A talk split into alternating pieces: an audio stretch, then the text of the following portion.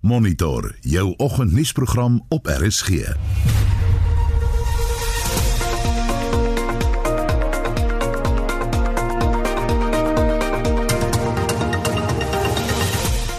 ons program die ANC wil glo streng optree teen ontplooides in die Noordwes provinsie wat nie alle instruksies wil volg nie. Heads are going to roll. I must be honest that we are going to be hard in other instances. We are not going to make some of our comrades happy. Anybody who has defied the ANC, we are going to act harshly against them. En ons kry reaksie hierop en vra of die leierskapsprentjie in die streek binnekort kan verander. Gauteng se advieskomitee oor COVID-19 het aanbeveel dat die provinsie 'n kombinasie van vlak 3 en vlak 4 inperkingmaatreëls instel. And what it means is there's a very high and increasing risk of transmission in the community because it means that there are many people in the community who we have not even picked up. There are many more who are positive who have not been picked up by testing. En dan gaan ons na Frankryk. Franse hofamptenare het 'n slim manier gevind om senuweeagtige getuies te kalmeer.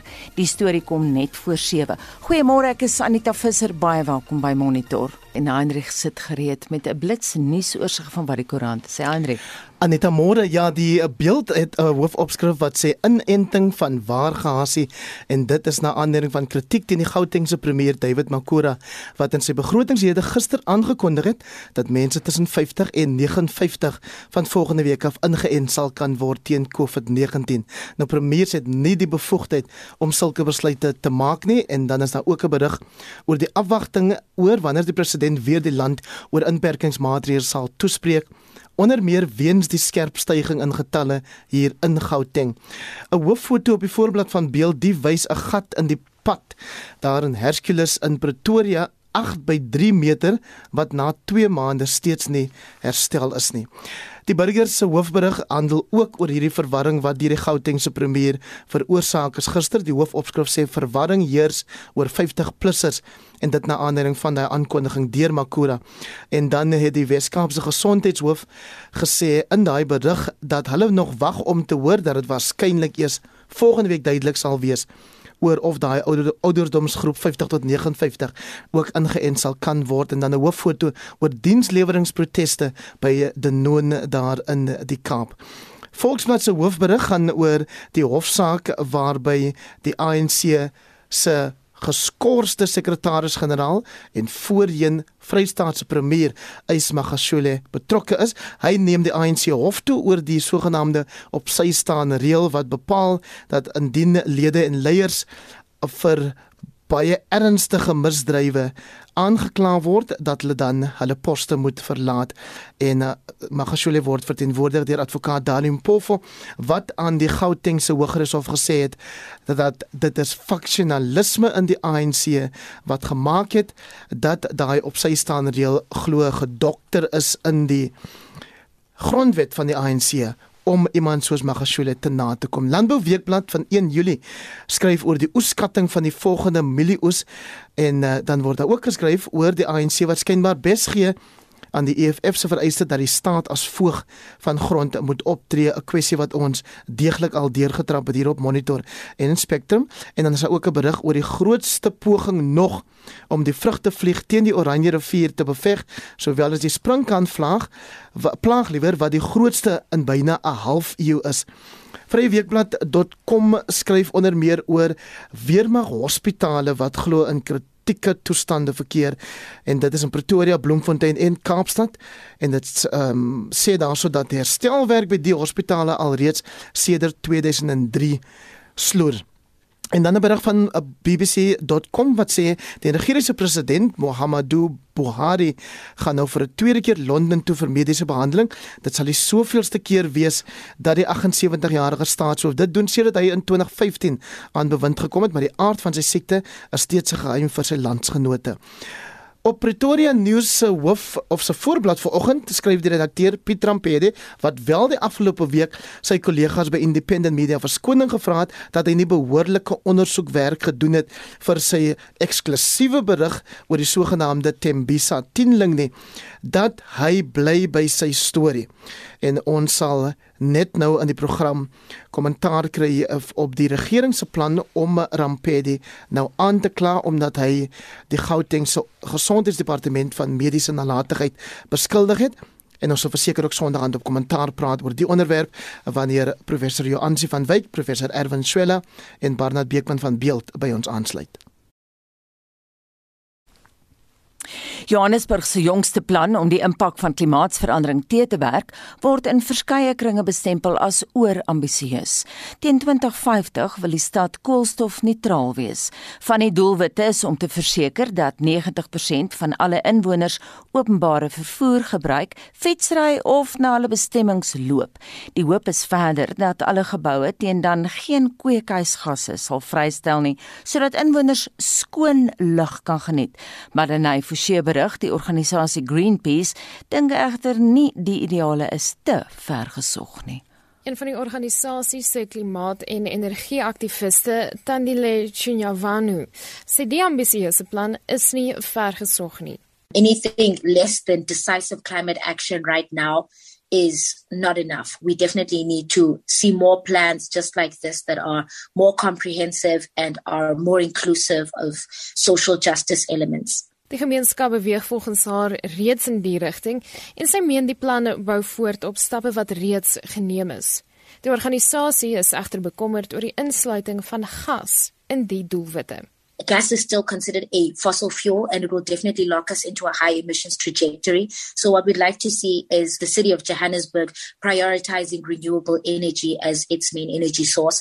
We have the resources to do it and it's the simple solution to put forward. Sy sê die plaaslike regering behoort druk op die nasionale regering te plaas om meer te doen in die verband en een manier om so te maak is om 'n klimaatnoodtoestand aan te kondig. From Greenpeace Africa's perspective and just working in this space, it doesn't appear that there is that political will at the moment. With renewable energies, there's been a reluctance from government to really ensure or allow for independent power producers to produce their own energy only up until recently. That was really as a result of pressure from load shedding at its peak. We just need to move away from projects that are there for self enrichment and focus on what will really deliver the most economic benefit for the public right now and the most immediate opportunities for job creation, and that is particularly renewable energy. Die organisasie verwelkom die metro se voorstel om saam met omliggende munisipaliteite te data oor die voorkoms van deurlopende lugbesoedeling te monitor. Particularly one of concern would be in Kriel Mpumalanga, which is the largest sulfur dioxide hotspot. And if you recall earlier this year, Johannesburg residents experienced that sulfur dioxide stench and even most recently, the methane cloud that is looming over uh, areas where Cecil and ESCOM have mining operations. So um, I think there is a will there to combat the air pollution, and we definitely need them to have a increased combative approach to the air pollution crisis. Dit was een van Greenpeace se klimaat- en energieaktiviste, Tandile Chinyavanu. Die private sektor het volgens Greenpeace ook 'n rol te speel. Intussen glo die organisasie nie dat die stad se 2050 plan genoeg aandag skenk aan die bewaring van die stad en omliggende gebiede se biodiversiteit nie. Marlene Forsie is hy gaan nuus. Die storie is dan ook die onderwerp van vanoggend se luisteraarsvraag. Ons wil by jou weet indien daar 'n werkende en veilige openbare vervoerstelsel op jou dorp of in jou stad is, sal jy dit gebruik om jou koolstofvoetspoor te verminder?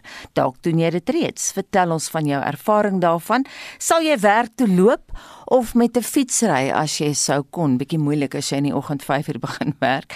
Jy kan 'n SMS stuur na 45889. Onthou dit kos R1.50 of gaan na Monitor en Spectrum se Facebookblad of WhatsApp vir ons stemnota na 076 536 6961 076 536 6961 Die ANC se nasionale leierskap gaan na verwagting streng optree teen ontploides in die Noordwes-provinsie wat weier om gehoor te gee aan die party se instruksies of opdragte.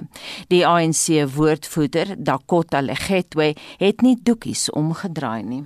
Heads are going to roll. I must be honest that we are going to be hurt in other instances. We are not going to make some of our comrades happy. Look, anybody who has uh, defied the IPC, anybody who has defied the ANC, we are going to act harshly against them. Hy sê lede waarteen opgetree kan word, sluit in burgemeesters, speakers en hoofsweepe in die provinsie se 5 munisipaliteite.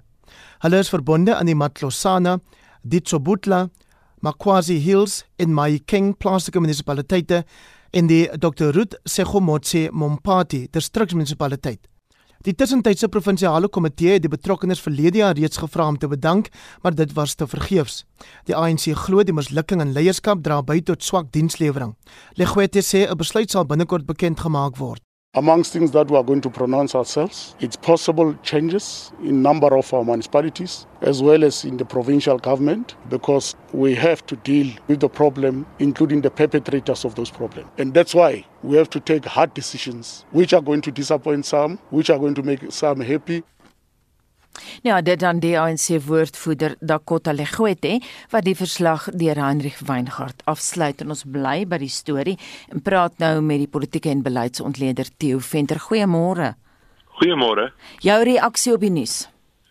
Ja, dit is baie interessant dat die IPC wat staan vir die Interim Provincial Committee, dit is um, met ander woorde die tydelike leierskap onder leiding van meneer Patrick Chauke dat hulle nou die um, die sweep begin inlê. Dit is nou al lank reeds dat daar deur hulle um opdragte gegee word um dat mense um uh gehoor moet gee aan hulle opdragte wat nog nie gebeur het nie. Wat net vir my baie interessant is van die deel wat julle ingespeel het, dieselfde Dakota Legwete was iemand wat baie sterk uitgekom het rondom die verdediging van meneer Ysmagashule. Dis natuurlik nou op 'n ander vlak en oor 'n ander kwessie, maar die op sy staan van ehm um, Ysmagashule is deur hom baie baie krities beskou, maar hier in die provinsie kom hy en hy hou hom groot meneer en maak al hierdie soort van uitsprake. Dis 'n baie dis 'n baie ehm um, teenstrydige soort uitspraak, maar dit daar gelaat. Ek dink met die instelling van 'n interim provinsiale komitee in die Vrystaat onder leiding van meneer Dukwana en een in Noordwes wil die ANC nou begin om duidelik uh, partydissipline af te dwing. En die name wat genoem is as ook die die munisipaliteite wat genoem is die Tsobotla is natuurlik Lichtenburg um, is die is dit duidelik dat die plekke wat in die nuus was die laaste tyd soos die Clover aangeleentheid en dis meer is ehm um, is ernstig en wil deur die provinsie op 'n baie duidelike manier gehanteer word. Dink jy dat die party baie streng sal optree teen sy lede in Noordwes of is dit maar net 'n gepraatery? Nee, nee, ek dink hier hier gaan sterk opgetree word. Noordwes se probleem is nog altyd ehm um, uh, en en dit um, vind plaas in die agtergrond van die gesprek wat in die ehm um, NCOP, die nasionale huis van provinsies plaasgevind het 'n dag of twee gelede oor die artikel 100 intervensie in die provinsie. En daar is 'n kritiese ehm um, kyk gegee op die provinsie en daar's gesê daar moet voortgegaan word om Noordwes provinsie uh onder administrasie te hou. Nou onder daardie rubriek lê ook die disfunksionele aard van plaaslike regering. Ehm um, in die geval van Potchefstroom wat bekend staan as die JB Marks munisipaliteit het hulle geweldig baie druk geplaas op die burgemeester om om homself ook uit te, op sy te staan. Hy het baie lank weerstand gebied. Uiteindelik het hy nou gegaan. So dit dink ek is dieselfde so druk wat nou op die ander munisipaliteite uitge, uitge of toegepas gaan word om om skoon te maak. Daar is ehm um, ek dink die skoonmaak opdrag kom van bo af. Mhm. Mm daar is daar 'n bespertyd. Die betrokke lede is nou tyd gegee tot volgende week om die party se opdragte te gehoorsaam. Dink jy hulle gaan dit doen? Ja, ek dink hulle gaan dit doen. Hulle gaan hier en daar weer iemand wees wat ehm um, natuurlik sy uh, dit nie gaan doen nie, maar ek dink hierdie is deel van ehm, 'n uh, skoonmaakproses. Kom kom ek verduidelik net waarom 'n skoonmaakproses. Die Engelse um, lelike woord is 'n purge, 'n political purge. Ehm um, die die provinsie het ehm um, jaar of 3 gelede ehm um, ontslaag geraak van meneer Supramaya Mapelo, toe dinge onder hom baie skeef geloop het. Maar sy loyaliste en sy ondersteuners, noem dit sy faksie, is nog baie sterk in die provinsie en hulle is oralster ingewurm verskillende strukture. En hierdie is maar net nog 'n proses om van die diep gesetelde Supra ondersteuners ook erns ontslae te raak. En dit bring iemand soos ehm um, Dakota Legoete weer in die spel want hy is in werklikheid in daardie faksie. Hmm. en sy gewraakte uitspraak uh, moes hom seker baie swaar gewees het om hierdie goed te sê want ek glo nie dis presies waar hy wil wees nie. Mm -hmm. Dink jy dit sou gebeur het as daar nie 'n komende verkiesing was nie? Nee, dit sou nie gebeur het nie. En dit sou ook nie gebeur het as daar nie ehm, 'n um, duidelike ineenstorting van bestuur en van ehm um, plaaslike bestuur was in die munisipaliteite wat genoem is nie. Uh die Vryburg, die distriksmunisipaliteit in Vryburg en die name wat genoem is is regtig van die ehm um, provinsies ag van die stadsrade en en en eh uh, plaaslike regerings waar ehm um, die ouditeur-generaal baie baie swak verslae oorgelewer het en daar net eenvoudig die vordering kom nie. Baie dankie en so sê Theo Venter hy se politieke en beleidsontleder. Die Gautengse regering het die staatsadvokaat opdrag gegee om met regstappe te begin teen die redakteur van die Pretoria News Piet Rampedi en Independent Media. Dit volg nadat Rampedi beweer het dat die regering medies nalatig by die Steve Biko Akademiese Hospitaal opgetree het tydens die geboorte van 'n tienling. 'n Professor in publieke reg aan die Universiteit van Pretoria, Koos Malan, sê dit sal nie 'n een eenvoudige saak wees om aan te pak nie. Die staat is inderdaad bevoeg om 'n privaat persoon soos in hierdie geval die redakteur te dagvaar. Trouwens die staat dagvaar gereeld uh instellings en individue vir geld wat aan die staat verskuldig is, skuld wat aan die staat verskuldig is uh vir uh kontrakte wat nie behoorlik nagekom is nie en so aan. So die staat is gereeld uh, party het sy 'n eiser of 'n applikant maar vir alle eiser dan in insake. Dit kom baie voor. Die staatsprokureur tree dan in so 'n geval namens die staat op. In die bepaalde geval van die tienling en die moontlike dagvaarding van die redakteur van die Pretoria News, uh sal die uh, staat eers moet aandui uh wat is die gronde vir die dagvaarding? Soos wat sake nou staan en ek het die verhaal so min of meer gevolg, kan ek nie sien dat daar gronde vir 'n uh, vir 'n dagvaarding is nie, gronde vir 'n eis is nie. Ten minste nie van die kant van die staat nie. Ek kan nie sien dat die staat hoegenaamd te nagekom is uh, as gevolg van enige aspek van die publikasie met betrekking tot die beweerde tiendeling wat toe nooit was nie. Uh, dit is moontlik dat uh, ander persone wat hier betrokke is soos die beweerde moeder uh, dat sy moontlik kan dagvaar uh maar uh, moontlik het sy saamgespeel in die in die wêreld instuur van die verhaal in watter geval daar geen gronde is op sterkte waarvan sy dit kan doen nie. En hoe sal die departement van gesondheid werk moet gaan om die dagvaarding reg te kry?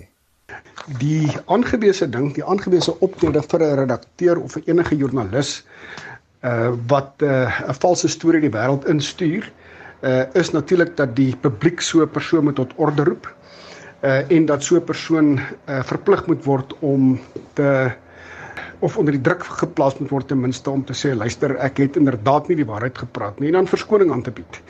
Uh, dit gebeur trouens gereeld in die lasterreg uh, dat 'n persoon verskoning aanbied. Nou ons het nie te doen hier met die lasterreg nie, maar met 'n soortgelyke ding uh, dat die publiek uh, flagrant mislei word en in daai geval is die aangewese ding om uh, die publiek as dit ware uh aan te spreek en vir die publiek te sê ek is jammer ek het inderdaad nie ehm um, ek het inderdaad nie die waarheid gepraat nie. Verder is dit natuurlik vir die uh vir die ehm um, uh die die verantwoordelikheid van die werkgewer van uh van die redakteur van van Piet Rampedi natuurlik om op te tree teen hom sou hulle wou uh op grond daarvan dat hy nie op 'n professionele wyse opgetree het nie. Maar dit uh, het uit die aard van die saak uh, met die staat uh, niks te doen nie. Dit is 'n uh, aangeleentheid uh, op grond van die arbeidsreg uh, tussen die uh, werkgewer en die werknemer. En daardie regsmening kom van professor Koos Malan van die Universiteit van Pretoria en hy het met Vincent Mofokeng gepraat. Dis nou 6:31. Jy luister na Monitor elke weekoggend tussen 6 en 8. Die jongste nuus, die EFF gaan vandag by SAPRA se kantoor in Pretoria betoog oor die goedkeuring van enstof. En net hierna reis ons deur die dierewêreld. 'n Nuwe spesies reuse renoster fossiel is in die noordweste van China ontdek. En 'n 5-jarige Franse labrador word gebruik om getuies in die suidweste van Frankryk se howe te kalmeer. Intussen lyk dit vir my ons het heelwat SMS terugvoering volgens. Anita, wat handel oor of jy as daar 'n werkende en veilige openbare vervoerstelsel in jou dorp was, dit sou gebruik het om jou koolstofvoetspoor te verminder. Nou daar's weinig verwysing in die terugvoer wat ek tot nou gesien het na die koolstofvoetspoor. Die meeste van die reaksie gaan eintlik maar oor die stand van en die swak stand van die openbare vervoerstelsel in die dorpe. Elna Botha sê ons het dit vir jare gebruik en toe vat hulle als weg. Nou kan jy nie eers meer met 'n bus ry nie. Freddie de Freddie de Lange sê ek sal openbare vervoer gebruik as ek kon en dan Lelet 'n draai wat sê misdaad gaan meer word en CV dit's nie 'n goeie idee nie. Randy Young sê ek sal dan 92 jaar jonk wees. Ek dink ambulans sal 'n veiliger opsie wees. Stefanus de Toey sê nog 'n plan om vir die volgende 30 jaar geld te steel. Jean Smit sê ek sal of dalk is 'n jeans man, ek sit nie my voet in openbare vervoer nie. Geen taxi, bus, trein vir die eenvoudige rede dat jou kans om beroof te word of vermoor te word 75 is. Dani en Madi Noordkeer skryf ons het of ek het in 1969 werk toe en terug trein gery geen probleem nie. Nou moet jy met jou eie vervoer ry die mense wat nou in beheer is kan dit nie regmaak nie. François James Swart sê nee ek ry nog steeds met my voertuig en eh, Rian Forster sê dis net 'n belaglike idee Esna Haven gaan skryf ja wel teen 2050 as daar geen paaie meer nie. So loop sal ons seker loop. 45889 teen 150 elk dis waant jy vir ons jou terugvoer stuur of praat saam op die Monitor en Spectrum op RSG Facebookblad. Anders kan jy vir ons 'n kort stemnota stuur na 076536 69 61. Dis vir baie interessant dat niemand iets sê oor die virus nie, kommer oor die virus. Hulle, hulle gaan nie sommer in 'n taxi klim oor die virus nie. Sê iemand iets daaroor? Dis dis interessant een daar is nie tot nou iets daaroor gesê nie, maar onthou nou ook dat dit is 'n reaksie op die Gauteng se regering se plan om binne X aantal jare hmm. daai koolstofvoetspoor te verminder so mense mense dalk nie vir die onmiddellike aanseker ja. Tensy ons die virus nog by ons het teen 2050. Nou moet ek vir julle beskryf hoe lyk Hendrik se gesig. Dis nou 6:37 hier is Shaun Jooste met die sportnuus. Die voorlopige blitsbalgroep van 17 spelers vir vanjaar se Olimpiese spele in Tokio, Japan, is gisteraan deur SASCOC bekend gemaak. Justin Geduld en Dylan Sage, wat ook deel van die 2016 spele span was wat brons in Brasilië gewen het, is weer ingesluit. Die blitsbok afrigter, Neil Bell, sal die finale 14-man groep op 5 Julie bekend maak. Die spele begin die 23ste Julie. Die Britse en Ierse leeu's speel môremiddag 4uur in Skotland in 'n opwarmingswedstryd teen Japan. Die leeustoer na Suid-Afrika begin die 3de Julie en die drie toetse teen die bokke van die 24ste en 31ste Julie en die 7de Augustus plaas.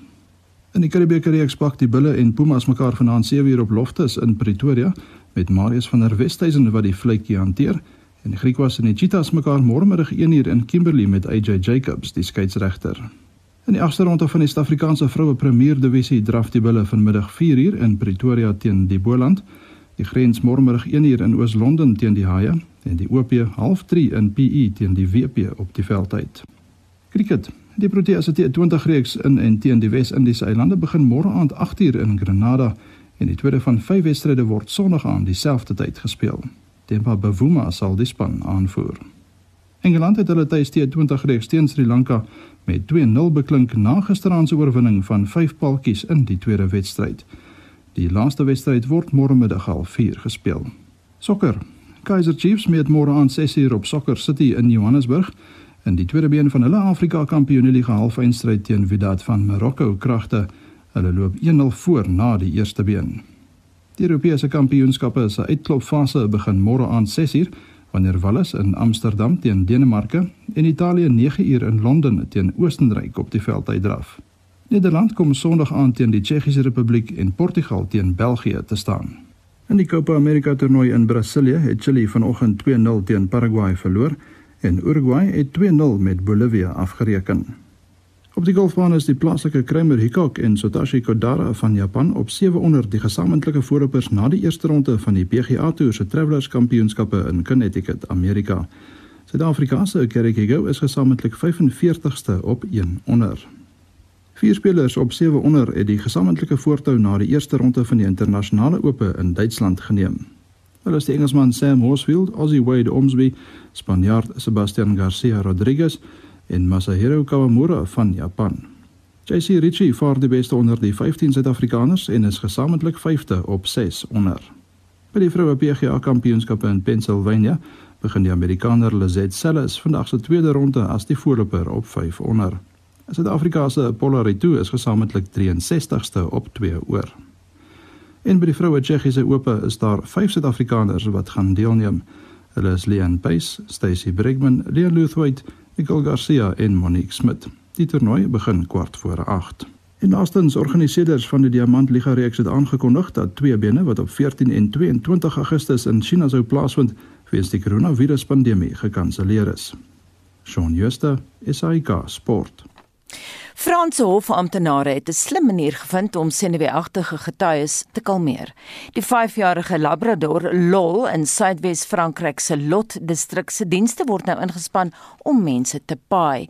En so tussen die gevrywery oor die hond se pels raak die atmosfeer in die hof sommer vinnig meer gemoedelik. Lol is nou 'n nasionale glanspersoonlikheid na wie se dieet en gesondheid selfs president Emmanuel Macron al uitvra. Die Franse sê sover hulle weet, is Lol die eerste hond in Europa wat amptelik steun verleen aan getuies in die hof vir al brose slagoffers van geweldsmisdade. Die oorspronklike idee kom egter van die Amerikaanse stad Seattle, so sê die staatsaanklaer in die Lot distrik Frederik Almendros. Dit het Monitor se redaksie laat wonder of soortgelyke tegnieke nie ook in Suid-Afrika met vrug toegepas sou kon word nie. En ons praat veraloggend daaroor met professor Folly Spies, 'n maatskaplike werker wat spesialiseer in hofwerk. Goeiemôre Folly. Goeiemôre Anita en goeiemôre aan al die luisteraars. Volle die Franse eksperiment in die Lot distrik is nou so suksesvol dat howe in die Paryse voorstad Bobigny klaar 'n hond aangeskaf het en nou wil 20 ander distrikte in Frankryk daai voorbeeld volg. Daar word nou selfs gedebatteer in daai land oor die meriete van golden retrievers, labradors ensovoorts. In Suid-Afrika, sover jy weet, het ons al iets soortgelyks soortgelyks probeer? Anita nie in ons howe nie waar dit eintlik verskriklik belangrik is om so iets te begin, maar wat ek wel weet hier in die 80er jare het ons so 'n projek gehad in die ou uh, sentraal gevangenis hier in Pretoria waar ons met langtermyngevangenes op grond van navorsing wat gedoen is met diere begin eksperimenteer het. En diere is ingebring in die gevangenis, verskillende diere, en dit het 'n ongelooflike effek op hierdie mense se verhoudingsvaardighede begin neem en hulle hele rehabilitasie program. So ons weet dit is eintlik suksesvol al gebruik hier in Suid-Afrika net op 'n ander konteks as um, spesifiek met slagoffers in in die howe. So dit is dit is definitief 'n aanwins. Volle kan jy bietjie meer uitbrei as jy nou sê dit was suksesvol. Het die mense lief geraak vir die diere? Die mense het baie lief geraak vir die diere, maar hulle het ook ehm um, verantwoordelikheid begin neem om uh vir die diere te sorg, um, om 'n band te te bind met hierdie diere want in hierdie verhouding het hierdie diere natuurlik begin gee en neem. Jy weet hulle het uh hulle het ook 'n um, uh, emosie geskep by hierdie mense. Hierdie eie navorsing het ook bewys dat hierdie persone of meeste van hulle nooit met diere groot geword het nie. En of dit 'n bydrae gelewer het tot hulle kriminele ehm um, ek wil sê dade, dis ek net doodseker van nie, maar daardie rehabilitasieprogram is definitief aangemoedig deur die verhouding met hierdie diere. En die belangrike ding vir ons almal, ons diere veroordeel ons nie. Nee, dit dis dis die dis die wonderlike ding van diere. Daar is geen oordeel nie. Nou as ons nou na die howe toe gaan, 'n kind wat moet ehm um, uh jy weet uh vertel 'n storie vertel waar 'n kind seer gekry het, is baie bang dat wie wie glo my of wie glo my nie. By as 'n hond langs 'n kind lê, gaan 'n kind weet dat dit onvoorwaardelik is. Hierdie hond gaan nie beoordeel nie. Hy gaan nie veroordeel ook nie. En natuurlik, jy weet, ek lê ook hier naby my uh naby 'n persoon en as 'n persoon aan aan 'n dier raak, weet ons almal dat daar 'n emosie is hmm. en dat dit 'n goeie emosie is in meeste van die tye. Jy praat nou baie van kinders volle want jy het met hulle gewerk in die hof, ja. maar die Franse sê dat die honde werk vir vir almal, jy weet ou mense ja. wat bang is om te getuig of ja. vroue wat slagoffers was van gewelds en seksuele misdade en so aan. Dit help daarmee hond te om hulle te kalmeer, maar nou die wonderlike ding is dat die Franse hofamptenare self. Hulle geniet die hond want almal kom vryf die hele tyd ja, aan die aan die hond se pels in die hof. So dit skep 'n konteks sekerlik in daai hof van veiligheid of hoe? Ek dink dit begin eintlik nie ek stem met jou volkome saam maar ek dink dit begin daar waar ons eintlik weer die humanitêre atmosfeer in die howe kan begin skep. 'n Hof is nie 'n aangename plek nie vir volwassenes maar ook uh, vir kinders of jy 'n oortreder is en of jy 'n slagoffer is. En natuurlik gaan dit ook So eerstens bring ons die menslikheid of die humanitêre atmosfeer terug wat minder angs gaan skep, uh, wat 'n bydrae gaan lewer, maar ons moet altyd onthou dat hierdie diere komplementêr moet wees tot die proses binne in die hof. Hulle kan nie alles dra nie. Ons moet uh, weet dat dat uh, ons die die die personeel uh, in die howe ook natuurlik 'n verantwoordelikheid het in die voorbereiding van volwassenes en kinders. Maar die wonderlike ook hiervan is die kameraadskap. Die hmm. kameraadskap tussen die persoon of dit volwassene of kind is en die gerusstelling. Dit is reeds bewys in navorsing dat diere bring rustigheid en diere bring verlig die angs uh, van van mense. Uh, Daar's ook 'n gee en 'n neem. Uh, ons kan regtig sien met diere as ons gee hoe hierdie diere dit ervaar, hoe hulle dit waardeer. Ek verduidelik dit altyd dat honde en katte, ag alle diere eintlik op 'n manier vir ons glimlag en dankie sê en dit bring geweldige gemoedelike toestand, jy weet, uh om daardie persoon.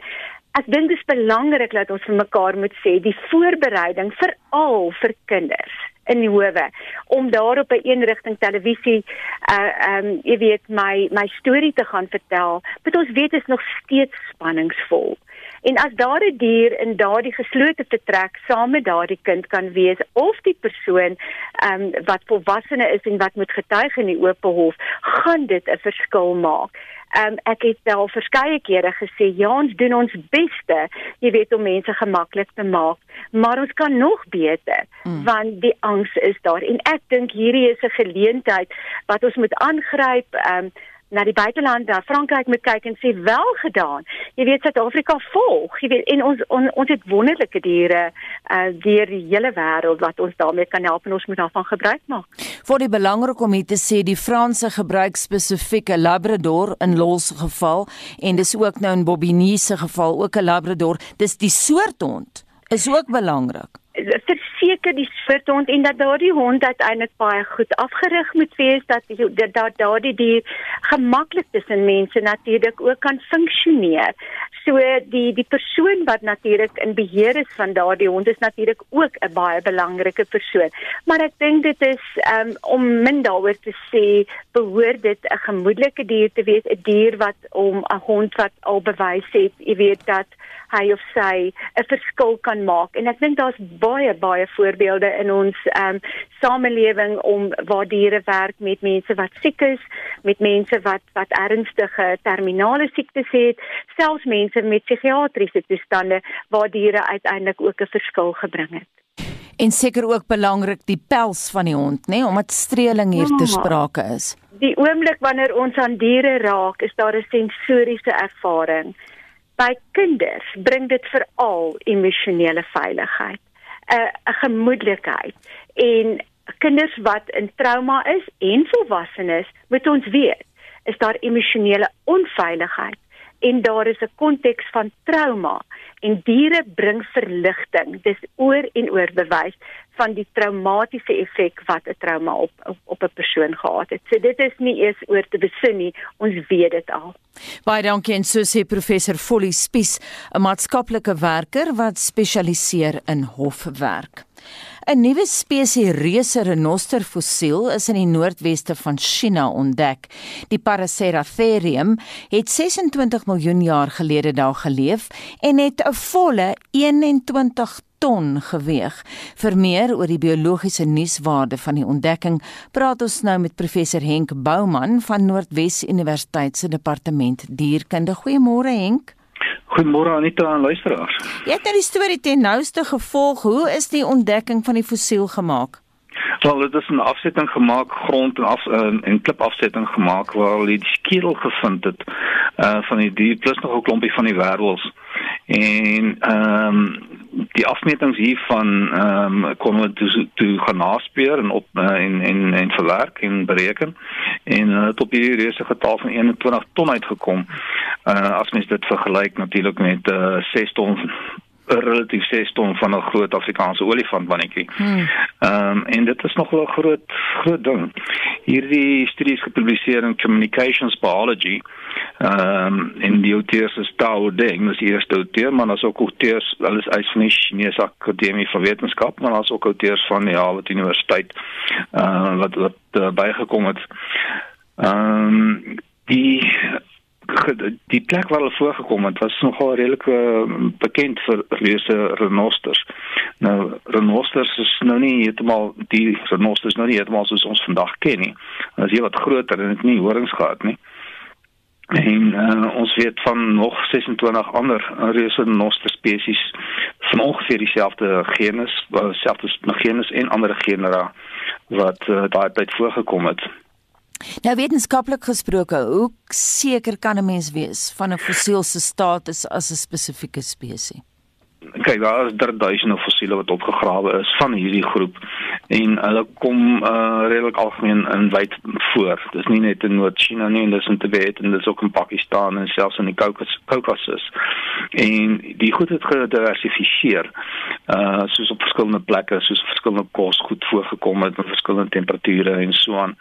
Ehm um, dis 'n volledige skedel en dit is nogal raar dat jy volledige skedel plus die kakbeen uh en nog 'n klomp wervels kry en dan kan jy van daaruit bepaal hoe lank die nek moet wees en hoe sterk die spiere moet wees om die, om die kop te dra en hierdie dier ehm um, het nogal ja, is nogal reusagtig geweest. Hmm. Het 'n lang nek gehad, 'n baie smal skedel het nie 'n horing gehad nie. Ehm um, amper gelyk soos 'n groot perd vanweer die smal skedel wat hy dan het. Baie groot perd. ja, en die kop tot 7 meter hoog bo in die grond. Nou ja, jy kan hom kan jy voorstel die trommel wat jy gaan opdoen as jy teen so 'n dier vasloop en jy moet hierso twee verdiepings hoog kyk om ja. om om om om om hierdie dier uh, dier te bekoekeloer. Henk, hoekom het die diere so groot geword? 21 ton, dis baie. Ja, mense kan dit verband bring met die dinosourusse van vroeër. Ehm um, in die eerste 140 miljoen jaar van soogdiere se se ontwikkeling, evolusionêre ontwikkeling was hulle maar klein geweest. Hulle het gaan van 5 gram tot so 15 kg. Dit is nou 'n medium size hond kan jy maar sê. En hulle kon nie eens groter word nie want hierdie bose dinosaurus uh, het rondgeloop al die kos opgeëet en uh, enigiets wat groot is um, het, um, het het hulle self opgeëet. Jy weet dat Tyrannosaurus en so aan het rondgeloop en hulle het graag en het hulle groot stukke um, soogdiere geëet maar um, die ehm um, die kruit paleogeen uitsterwing 66 miljoen jaar gelede as gevolg van die groot meteoriet wat in Mexiko neergestort het het alle viervoetige uh viervoetige diere behalwe krokodille en en seeskilpaaie uitgestel laat uitsterf wat swaarder is as 25 kg. Hmm. En dit het 'n hele ommekeer natuurlik veroorsaak in terme van ekologie want skielik is daar nie meer groot goed wat jy wil eet nie en die warmbloedige uh, soogdiere Ehm uh, dit is wat meer kompleks as dit. Dit is geen net 'n eenvoudige prentjie. Ehm uh, maar die watbloedige soogdiere kom baie vinnig nou ehm uh, aanpas, evolueer en groter word en op alle kontinente het hulle groter geword. Dis nie net op een plek nie. Hmm.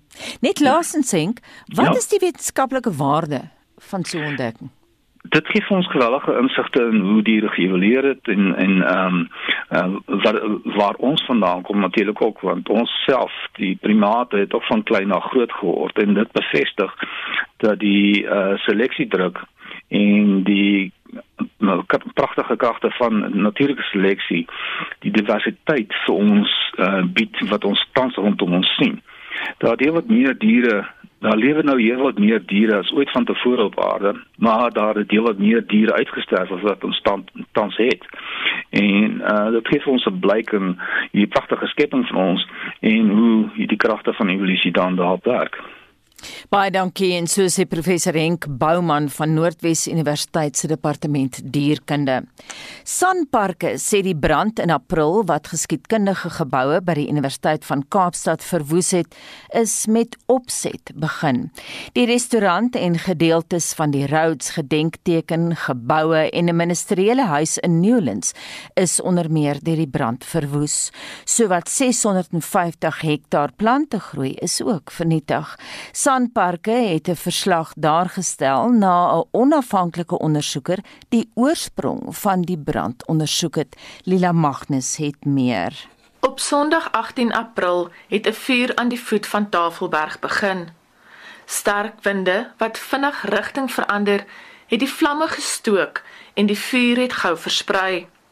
Die lekkende vlamme het die Rhodes gedenkteken, ses geboue by die Universiteit van Kaapstad, privaat huise langs die M3 snelweg en die ikoniese Mustard Mill in Newlands of heeltemal verwoes of erg beskadig. 'n Onafhanklike ondersoeker, Rob Erasmus, is aangestel om te bepaal hoe die vuur begin is. Gedurende die ondersoek het ons uh, uitgewerk dat die uh, vuur net nie begin deur natuurlike oorsake nie. Uh, daar was nie uh, rotsafvallende rotse daarson nie ons het ook besluit dat daar was nie met die 'n uh, ongeluk byvoorbeeld met uh, mense wat daar gaan stap het of uh, hawelose mense en so aan. Ons het toe uitgewerk dusver. Ons dink die vuur is nou as begin deur iemand wat die vuur uh, aangesteek het. Hy sê 'n wit voertuig is kort voor die vuur begin is op CCTV kameras opgemerk. Die voertuig is nou die fokus van die ondersoek. Aanvanklik is die vinger na die hawelose gemeenskap wat soms op die berg woon gewys en daar is wyd bespiegel dat die vuur ontstaan het weens hulle nalatigheid. Die brandbestuurder van die Tafelberg Nasionale Park, Philip Prins, sê die aanvanklike aanname was nie onredelik nie.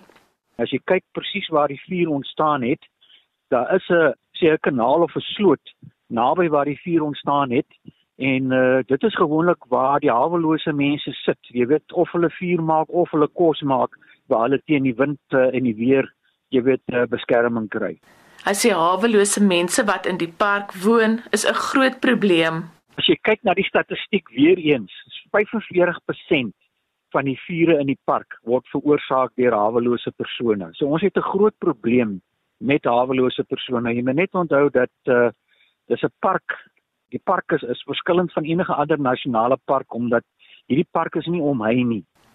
Die hawelose gemeenskap in die moederstad is deur die verslag vir onskuld, maar dit is nie genoeg nie, meen die sekretaris-generaal van Good, Brett Heron. In April, the homeless people were also blamed for the fires that happened across Cape Town. We now know that wasn't true either. That victimization of homeless people has to stop. The city of Cape Town owes homeless residents an apology. And this era or philosophy that it's a crime to be poor or a person of color in the wrong neighborhood as it was under apartheid, all of that has to end. Sanparke bied 'n 10000 rand beloning aan vir enige inligting wat sal lei tot die opsporing van die wit voertuig of die bestuurder wat Sondagoggend 18 April teen sowat 9 uur in die oggend in Philip Gosana Rylaan gery het. Ek is Lila Magnus vir SAK nuus in Pretoria. Daar is geen verkeer. In KwaZulu-Natal in Pietermaritzburg is daar brandende buitebande in die Manor gebied en uh, luisteraars word aangemoedig of liewer word geadviseer om daai roete te vermy. Dit is uh, ook die oorsaak waarom daar verkeer ophoop. En dan hoop verkeer ook op by die JG Champion Rylaan ook daar in Pietermaritzburg. In die Weskaap by Pelican Park is daar ook protesoptredes deur gemeenskapslede daarso en jy word ook aangeraai om eerder daai roete te vermy. 45889 dit is die SMS lyn waarin jy vir ons jou verkeersnuus kan stuur teen R1.50 En nou SMS terugvoering. Daar word steeds gepraat Anita oor of mense openbare vervoer sal gebruik as dit voldoende is daar waar hulle woon. Maar as eers so sê, dit klink na 'n goeie plan, maar definitief nie vir Johannesburg nie. Zelda Carlson sê nee, En Solita hier by sê openbare vervoer, hulle grap seker, dis so onbetroubaar. Ek woon 47 jaar in my huis. Toe ons hier ingetrek het, was hier vervoer en nou is daar vir 'n geruime tyd al niks. En ek bestuur nie meer nie. Ek sal ook nie Uber nie. Dis net te gevaarlik geword. Hou maar julle openbare vervoer en kyk hoe ver julle daarmee gaan kom. 45889 is ook die SMS is SMS lyn waarin jy vir ons jou terugvoer kan stuur vir oggend.